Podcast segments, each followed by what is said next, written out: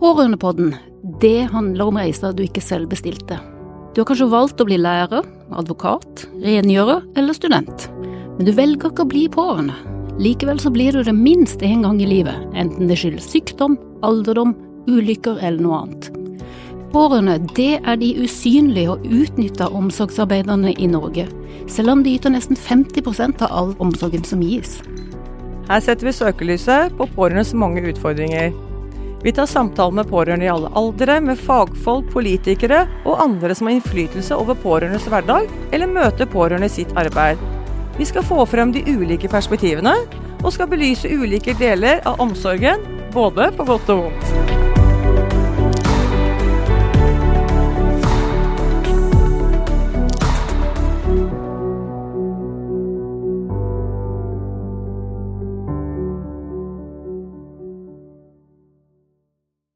Da skal vi ha en ny episode som tar opp litt av tråden som eh, vi hadde tidligere i episode nummer fem. Det fantes jo ingen tilbud til meg. For med oss i dag så har vi Hanne Tuvnes, som faktisk er initiativtaker og daglig leder for Pivete, pårørendesenteret i Vestfold og Telemark. Hjertelig velkommen, Hanne. Tusen takk. Vi er veldig glad for å ha deg her og for å fortelle om et nytt tilbud som, eh, som vi er veldig glad for kommer, og som vi absolutt er med på å snakke om. Men Hanne, hvem er du, før du begynte med dette? Ja, altså jeg er en uh, dame egentlig fra Trondheim, da, litt sånn avslepen, men uh, ja. Trønderdame på 54 år, uh, vernepleier i bunn. Jobba i alle de år innen kommunen, egentlig. Litt hit og dit, som leder, stort sett. Mm. Jeg har tre barn og mann og hus og hjem og bil og båt og hund, jeg kan si det. Mer enn nok å, å sysle med? Ja, ja. ja. Hva gjorde du da før du begynte med dette sånn yrkesmessig? Du, jeg jobba som, som, leder i, i, Skien kommune. Drev en avlastningsbolig for eh, barn med funksjonsnedsettelser. Mm. Mm, ganske stor arbeidsplass. Mm.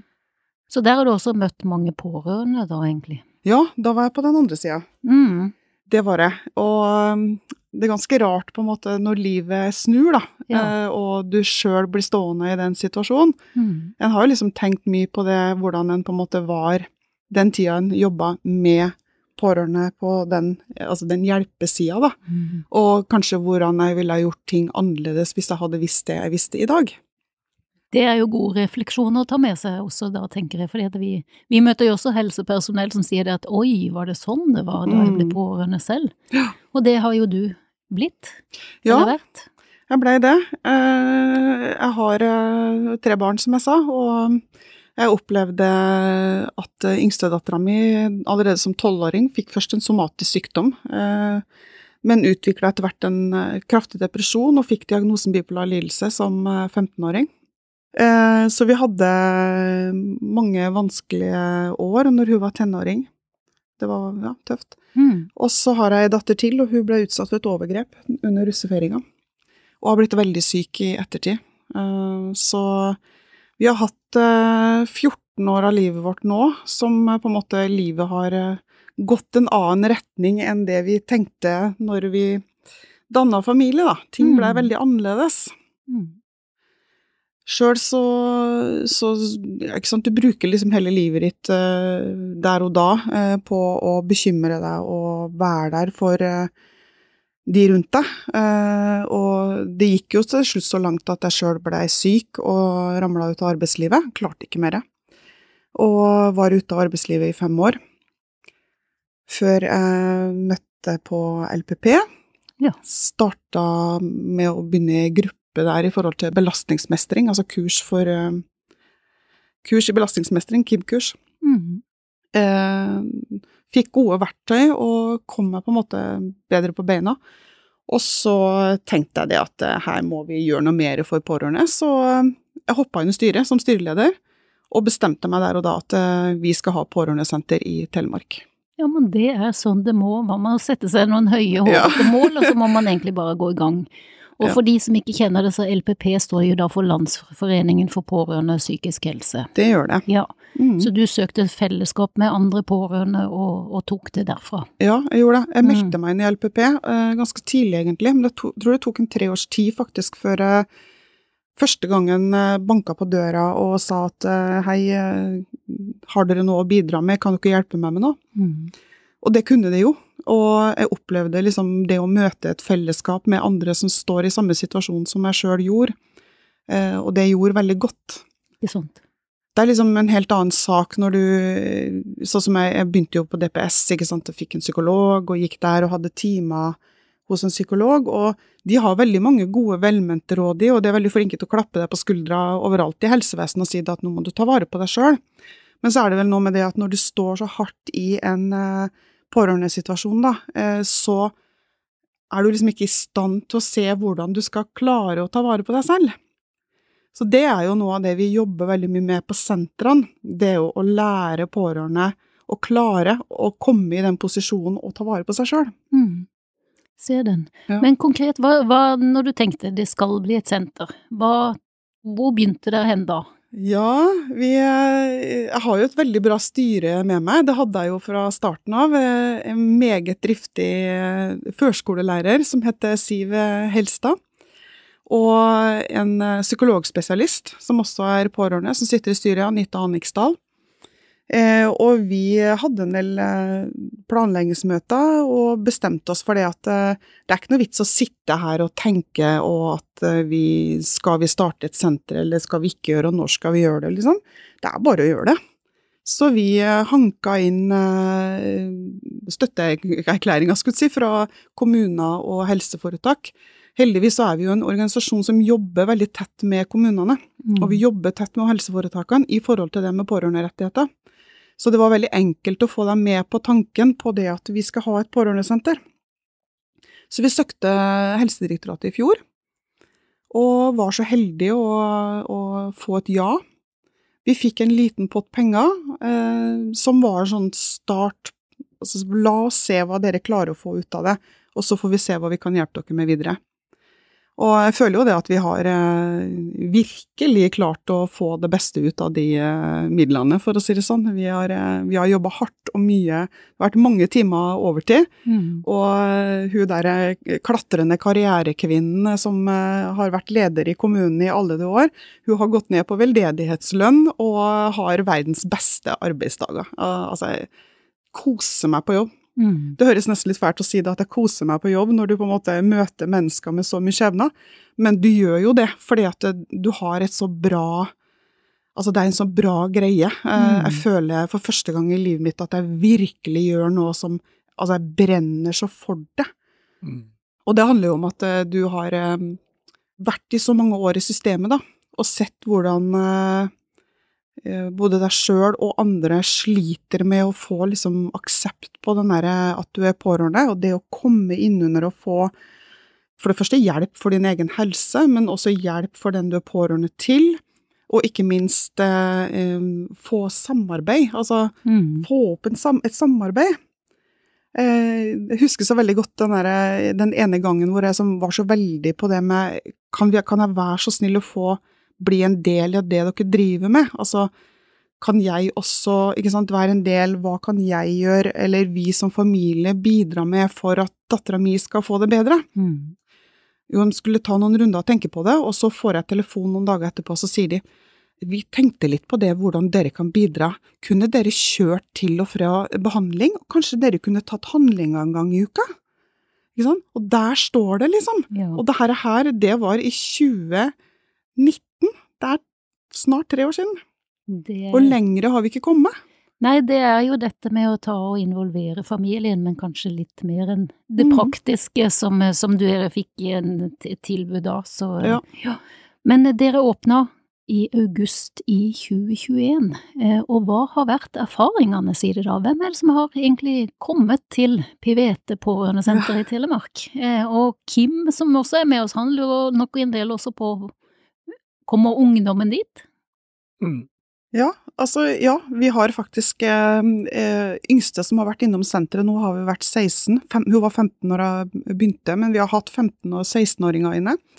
Men vi har hatt de helt opp i 87, er vel eldste, tror jeg. Så det er godt spenn på pårørende som kommer innom. Eh, opplever mer telefoner nå fra, fra, unge mennesker som er pårørende til enten foreldre eller, eh, eller søsken, da. Det som er litt sånn ja, spesielt, det er jo det med de unge som kommer mellom 18 og 16, ja. Eh, som er pårørende til eh, foreldre, da, kanskje alene også, og som ikke skjønner på en måte det at de står i en situasjon som er ganske annerledes enn andre familier har det. Og de forteller om symptomer som vi voksne også har, ikke sant, det med gå med vondt i magen, gå med hodepine, takler ikke hverdagen, sliter med å komme seg på skolen, ikke sant, eh, vil ikke ha med eh, venner hjem, ikke sant, har alle de stressymptomene, sover ikke, passer på hjemme, ikke sant. Og ja. Hvordan, hvordan møter dere de unge da? Nei, det er jo å lytte og, og først og fremst lytte, de har jo veldig behov for å prate. Mm. Det som er viktig i forhold til pårørendesenteret vi har, det er jo det at vi tenker oss sjøl som et supplement til det offentlige. Vi er likepersoner, og det er det på en måte som er vår misjon og vår eh, greie i forhold til senteret. Så vi, eh, vi, er også veldig flinke til å sende de videre hvis vi tenker at eh, her trenger folk mer hjelp. For det er viktig. Sånn at de henvises til aktuelle oppfølgingstjenester eller tilbud som kommunene har, da. Ja. ja. Samtidig som vi tar samtaler også. Mm. Uh, I forhold til det med å kanskje mestre hverdagen litt bedre, da. Mm. Mm.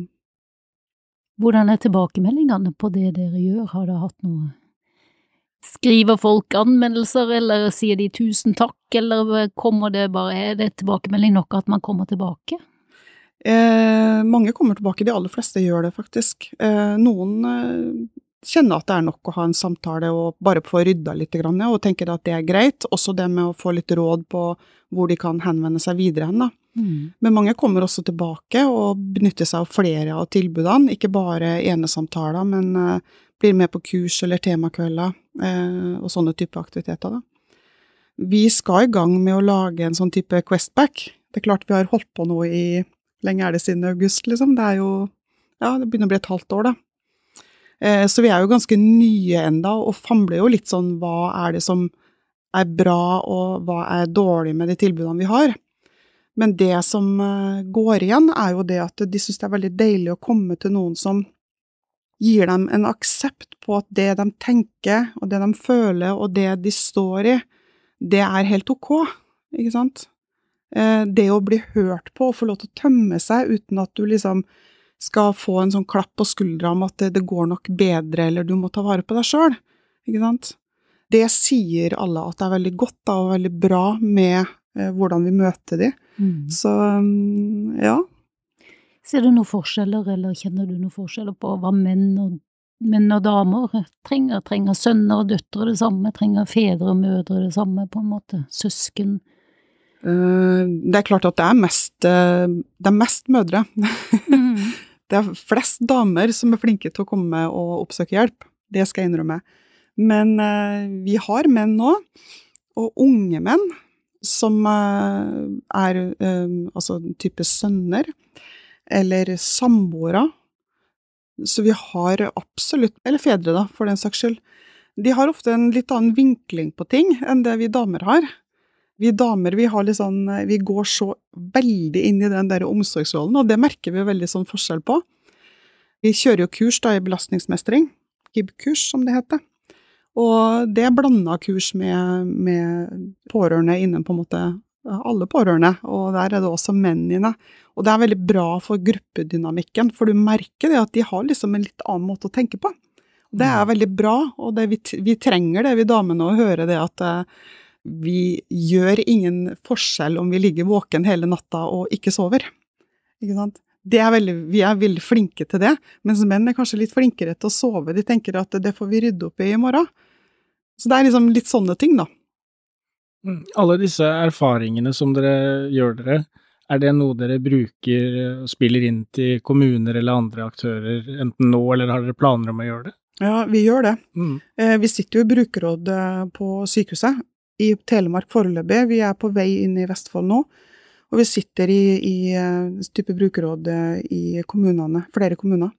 Og ja, vi bruker det. Anonymiserer anonymisere historiene, men vi bruker det. Og det er også liksom for å klassifisere eksempler på det at altså, hvor er hjelpeapparatet? Hvor mm. er dere som helsetjeneste i det her? Når vi får sånne historier på senteret i 2021, eh, så er det klart at eh, det mangler en bit. Nå skal vi arrangere et fagseminar sammen med fagavdelinga på Sykehuset Telemark, som skal omhandle pårørendemedvirkning og brukermedvirkning, da. Vi skal ha det sammen med flere, eller eh, alarm og mental helse. Og da får vi en egen bit i forhold til det med pårørendemedvirkning. Det blir veldig bra. Det skal mm. være for ansatte i kommunehelsetjeneste og sykehus da, i hele Telemark. Mm. Mm.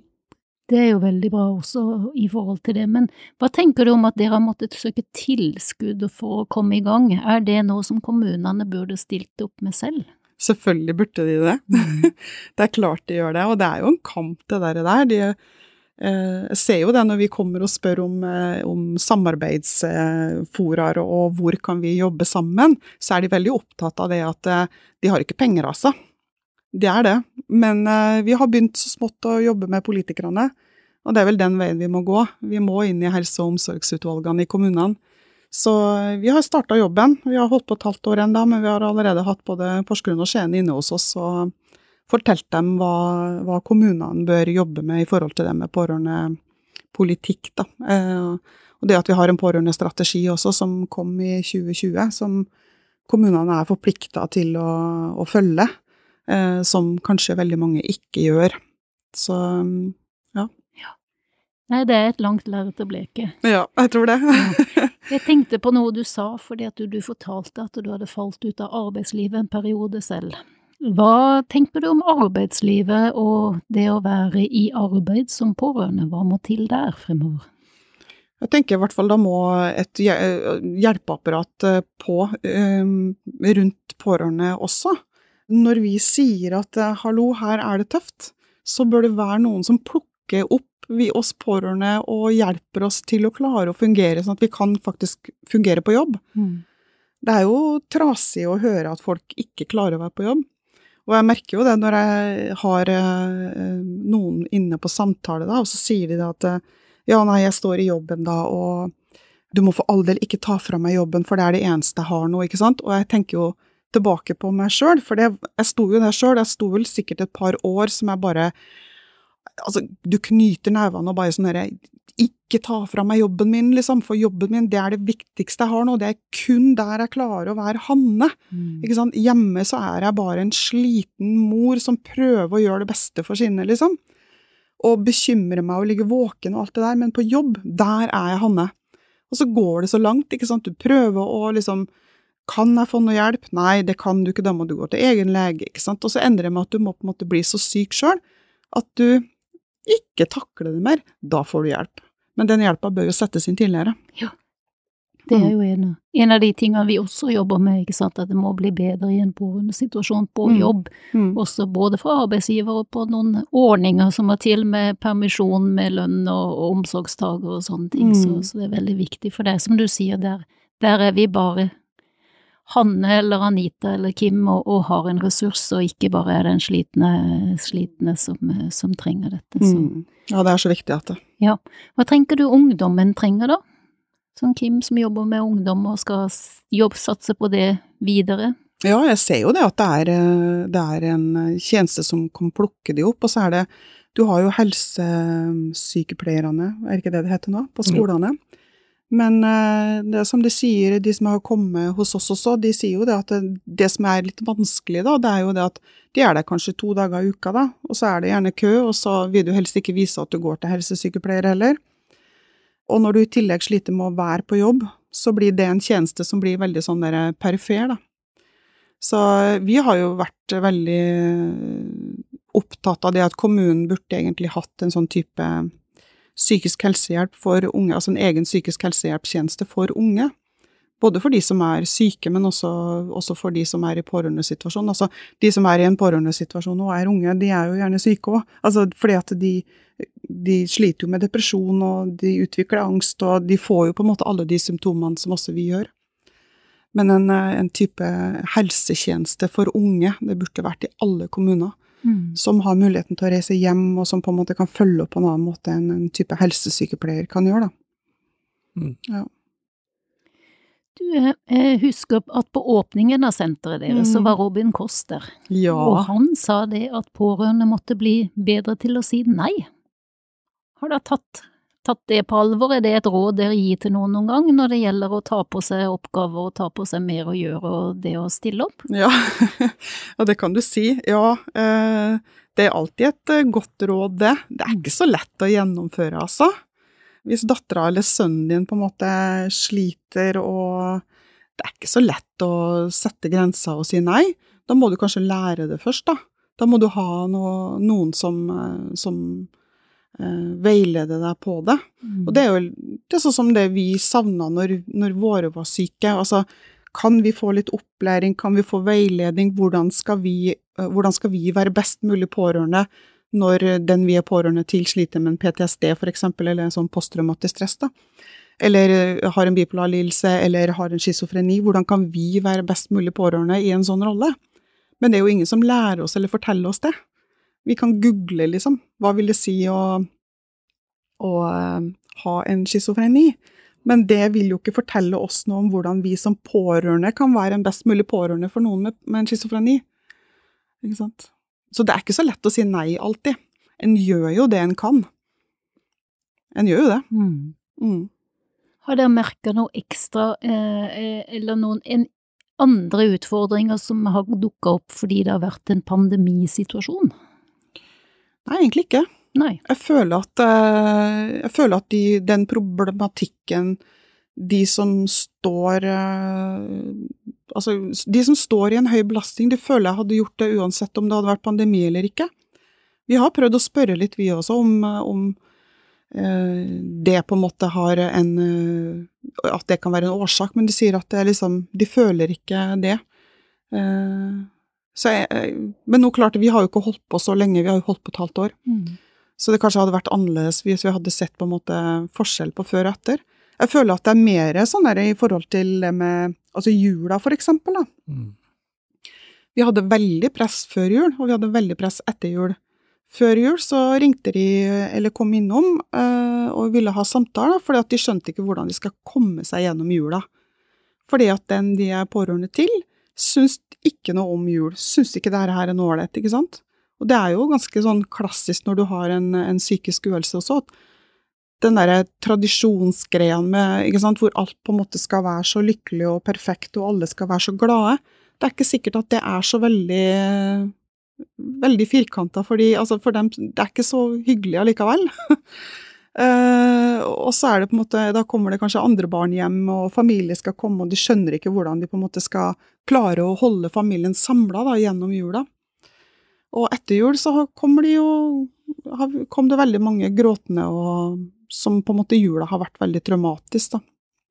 Hva, hva, vil du si er det vanskeligste med å drive et sånt pårørendesenter? Altså én ting er det administrative, men også mm. liksom møtene med mennesker og sånn. Hva, hva, hva, kan du peke på? Jeg vet ikke, jeg syns ikke noe er vanskelig, egentlig. Nei. det Hørtes det litt fælt ut, eller? Nei, Nei jeg syns ikke det, for jeg føler at uh, det er så mye takknemlige mennesker som eh, kommer innom. Altså Det som er vanskelig, er den der jobben med å søke penger hele tida. Mm, mm. Men jeg føler det at jobben med mennesker og det å møte pårørende som står i det de står i, det syns jeg er bare bare bra arbeid, liksom. Jeg mm. syns ikke det er vanskelig. Mm. Det kan være tøft innimellom. Sånn i forhold til at det, er mange skjebner. Mm. Mange historier. Eh, og det er vanskelig når du, når du møter mennesker, spesielt når det er liksom eh, De de er pårørende til, kan være både fysisk og, og eller verbale eh, utagerende, på en måte. Det er vel kanskje det som er vanskeligst å Ja, hvis jeg skal si noe som er vanskelig, vanskelig så kan det vel kanskje være det å komme med gode råd i forhold til det, da. hvordan håndtere det. Mm. Men eh, ellers så føler jeg vel det at eh, det er så mye takknemlige mennesker at jobben er egentlig bare Mm. givende og bra. Du har havna på rett hylle? Eller Ja, rett, du er på rett plass ja, i livet? Ja, jeg føler det. Ja. Hvis du nå fikk være, du er vernepleier i bunn, Mm. hvis du nå fikk være vernepleierhøvding og virkelig gi et budskap til vernepleierne der ute om hvordan de skulle samarbeide med pårørende, hva ville du sagt da? Jeg ville i hvert fall sagt at det er ikke farlig å snakke med pårørende. Og eh, jeg har jo vært i, i bransjen, og det, stadig så er det jo liksom ja, de vanskelige pårørende, ikke sant? Men de vanskelige pårørende, det er gjerne pårørende som ikke blir møtt og ikke får informasjon, og som sliter å kave, og som ønsker å bli hørt. Eh, så snakk med pårørende, og lytt til pårørende. Og ikke vær redd for, ikke vær redd for dem. Mm. For jeg tror det er det mye går på. Jeg merker jo det når du møter folk i eh, Når jeg som foreldre har møtt ulike ansatte. Noen er veldig flinke og veldig gode på det å møte pårørende og lytte og prate og, og veilede. Og så har du de som er livredde for å bryte en eller annen eh, taushetsplikt eller si noe gærent, og så lar de være å si noe. Og det er det verste. Mm. Mm. Så er det lov å drømme, da. Hvor er Pivet om fem år? Pivete, nei, da har vi blitt ganske store. Da har vi satellitter rundt i hele Vestfold og Telemark. vi er jo et senter for Vestfold og Telemark, og jeg merker nå vi er jo tre ansatte.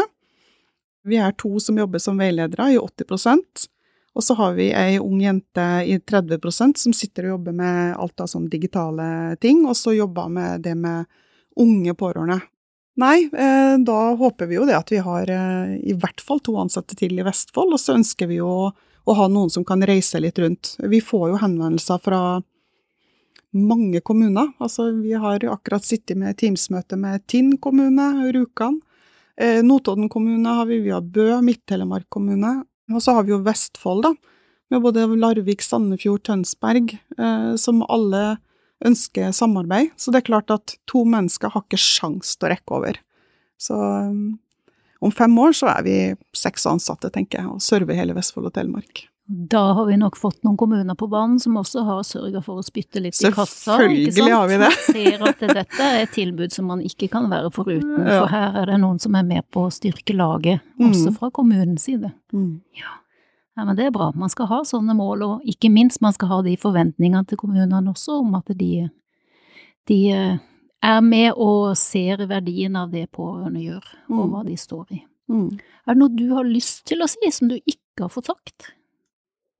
Altså, vi i LPP, da, Landsforeninga for pårørende innen psykisk helse, eh, nå jobber vi jo med å lage en standard for, eh, for pårørendesentrer under LPP. Så det er klart at vi har jo nå eh, en visjon om å skape flere pårørendesenter rundt omkring i landet, som vil bli i LPP-ånd. Eh, og det vil jo si at vi ønsker sentra som jobber med likepersonsarbeid. møter møte folk som likepersoner. Mm. Og, det, og ikke minst det med at vi skal være supplement, og at kommunene må ta ansvar. Mm. Spennende. Ja. Så dere, dere pionerer inn det, det da, egentlig? Ja, vi er jo egentlig det. Mm. Så selv om vi har jo PIO-senteret, eh, som, eh, som også Men de driver kanskje litt annerledes, da. Med, de, de har litt mer fagfolk inne og på en måte ja, har lagt seg på den linja der. Men vi ønsker å være en, en likepersonstjeneste, sånn Mm. ut ifra det at vi er en organisasjon som driver det, da. Mm. Så er jo vi veldig glad for å ha dere med i Pårørendealliansen Ja, også, og være med og synliggjøre det dere gjør der. Så eh, vi må si tusen takk for at du tok deg tida til å komme her og fortelle om arbeidet. Det Bare hyggelig. vil vi nok ta, ta opp igjen senere også. Ja, vi må Og- spre det gode budskap. Vi må det, vi må spre hva medlemmene våre gjør. Og vi vil jo gjerne oppfordre alle dere som er i en pårørendesituasjon i Vestfold og Telemark, til faktisk å gå inn på deres nettside på pivete.no og se hva dere har av tilbud der, og også følge dere i sosiale medier. Og dere vil også finne den lenka til det i vår episodebeskrivelse. Takk for nå. I like måte. Er dette tema for deg eller noen du kjenner? følg oss gjerne på sosiale medier, hvor vi synliggjør og gir de pårørende stemme. Du finner alle lenkene i episodebeskrivelsen.